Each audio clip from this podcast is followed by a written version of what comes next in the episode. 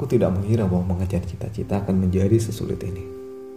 Semasa kecil aku membayangkan bahwa menjadi berhasil adalah tentang kebahagiaan dan ketenangan. Pergi bekerja lalu pulang dengan apa yang kita inginkan. Namun ternyata dunia tidak sebercanda itu.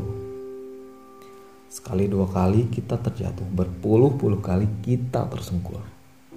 Dan kita dipaksa untuk bangkit lagi dari jurang-jurang keterpurukan.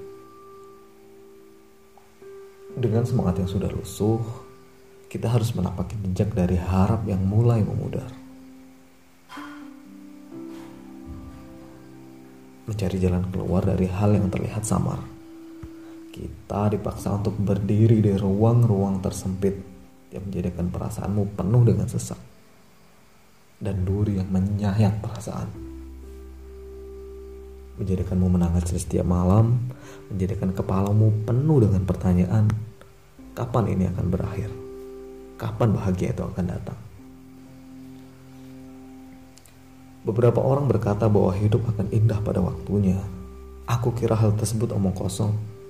Aku selalu percaya bahwa hidup adalah tentang bagaimana kita terus berusaha dan berusaha hingga bahagia kita yang mewujudkannya. Terdengar arogan memang sampai pada suatu ketika aku mengalaminya terjatuh pada titik tersunyi dan kebingungan. Aku tidak tahu harus berbuat apa. Bahwa ternyata apa yang berjalan di dunia adalah berdasar garis waktu yang ditetapkan Tuhan kepada kita.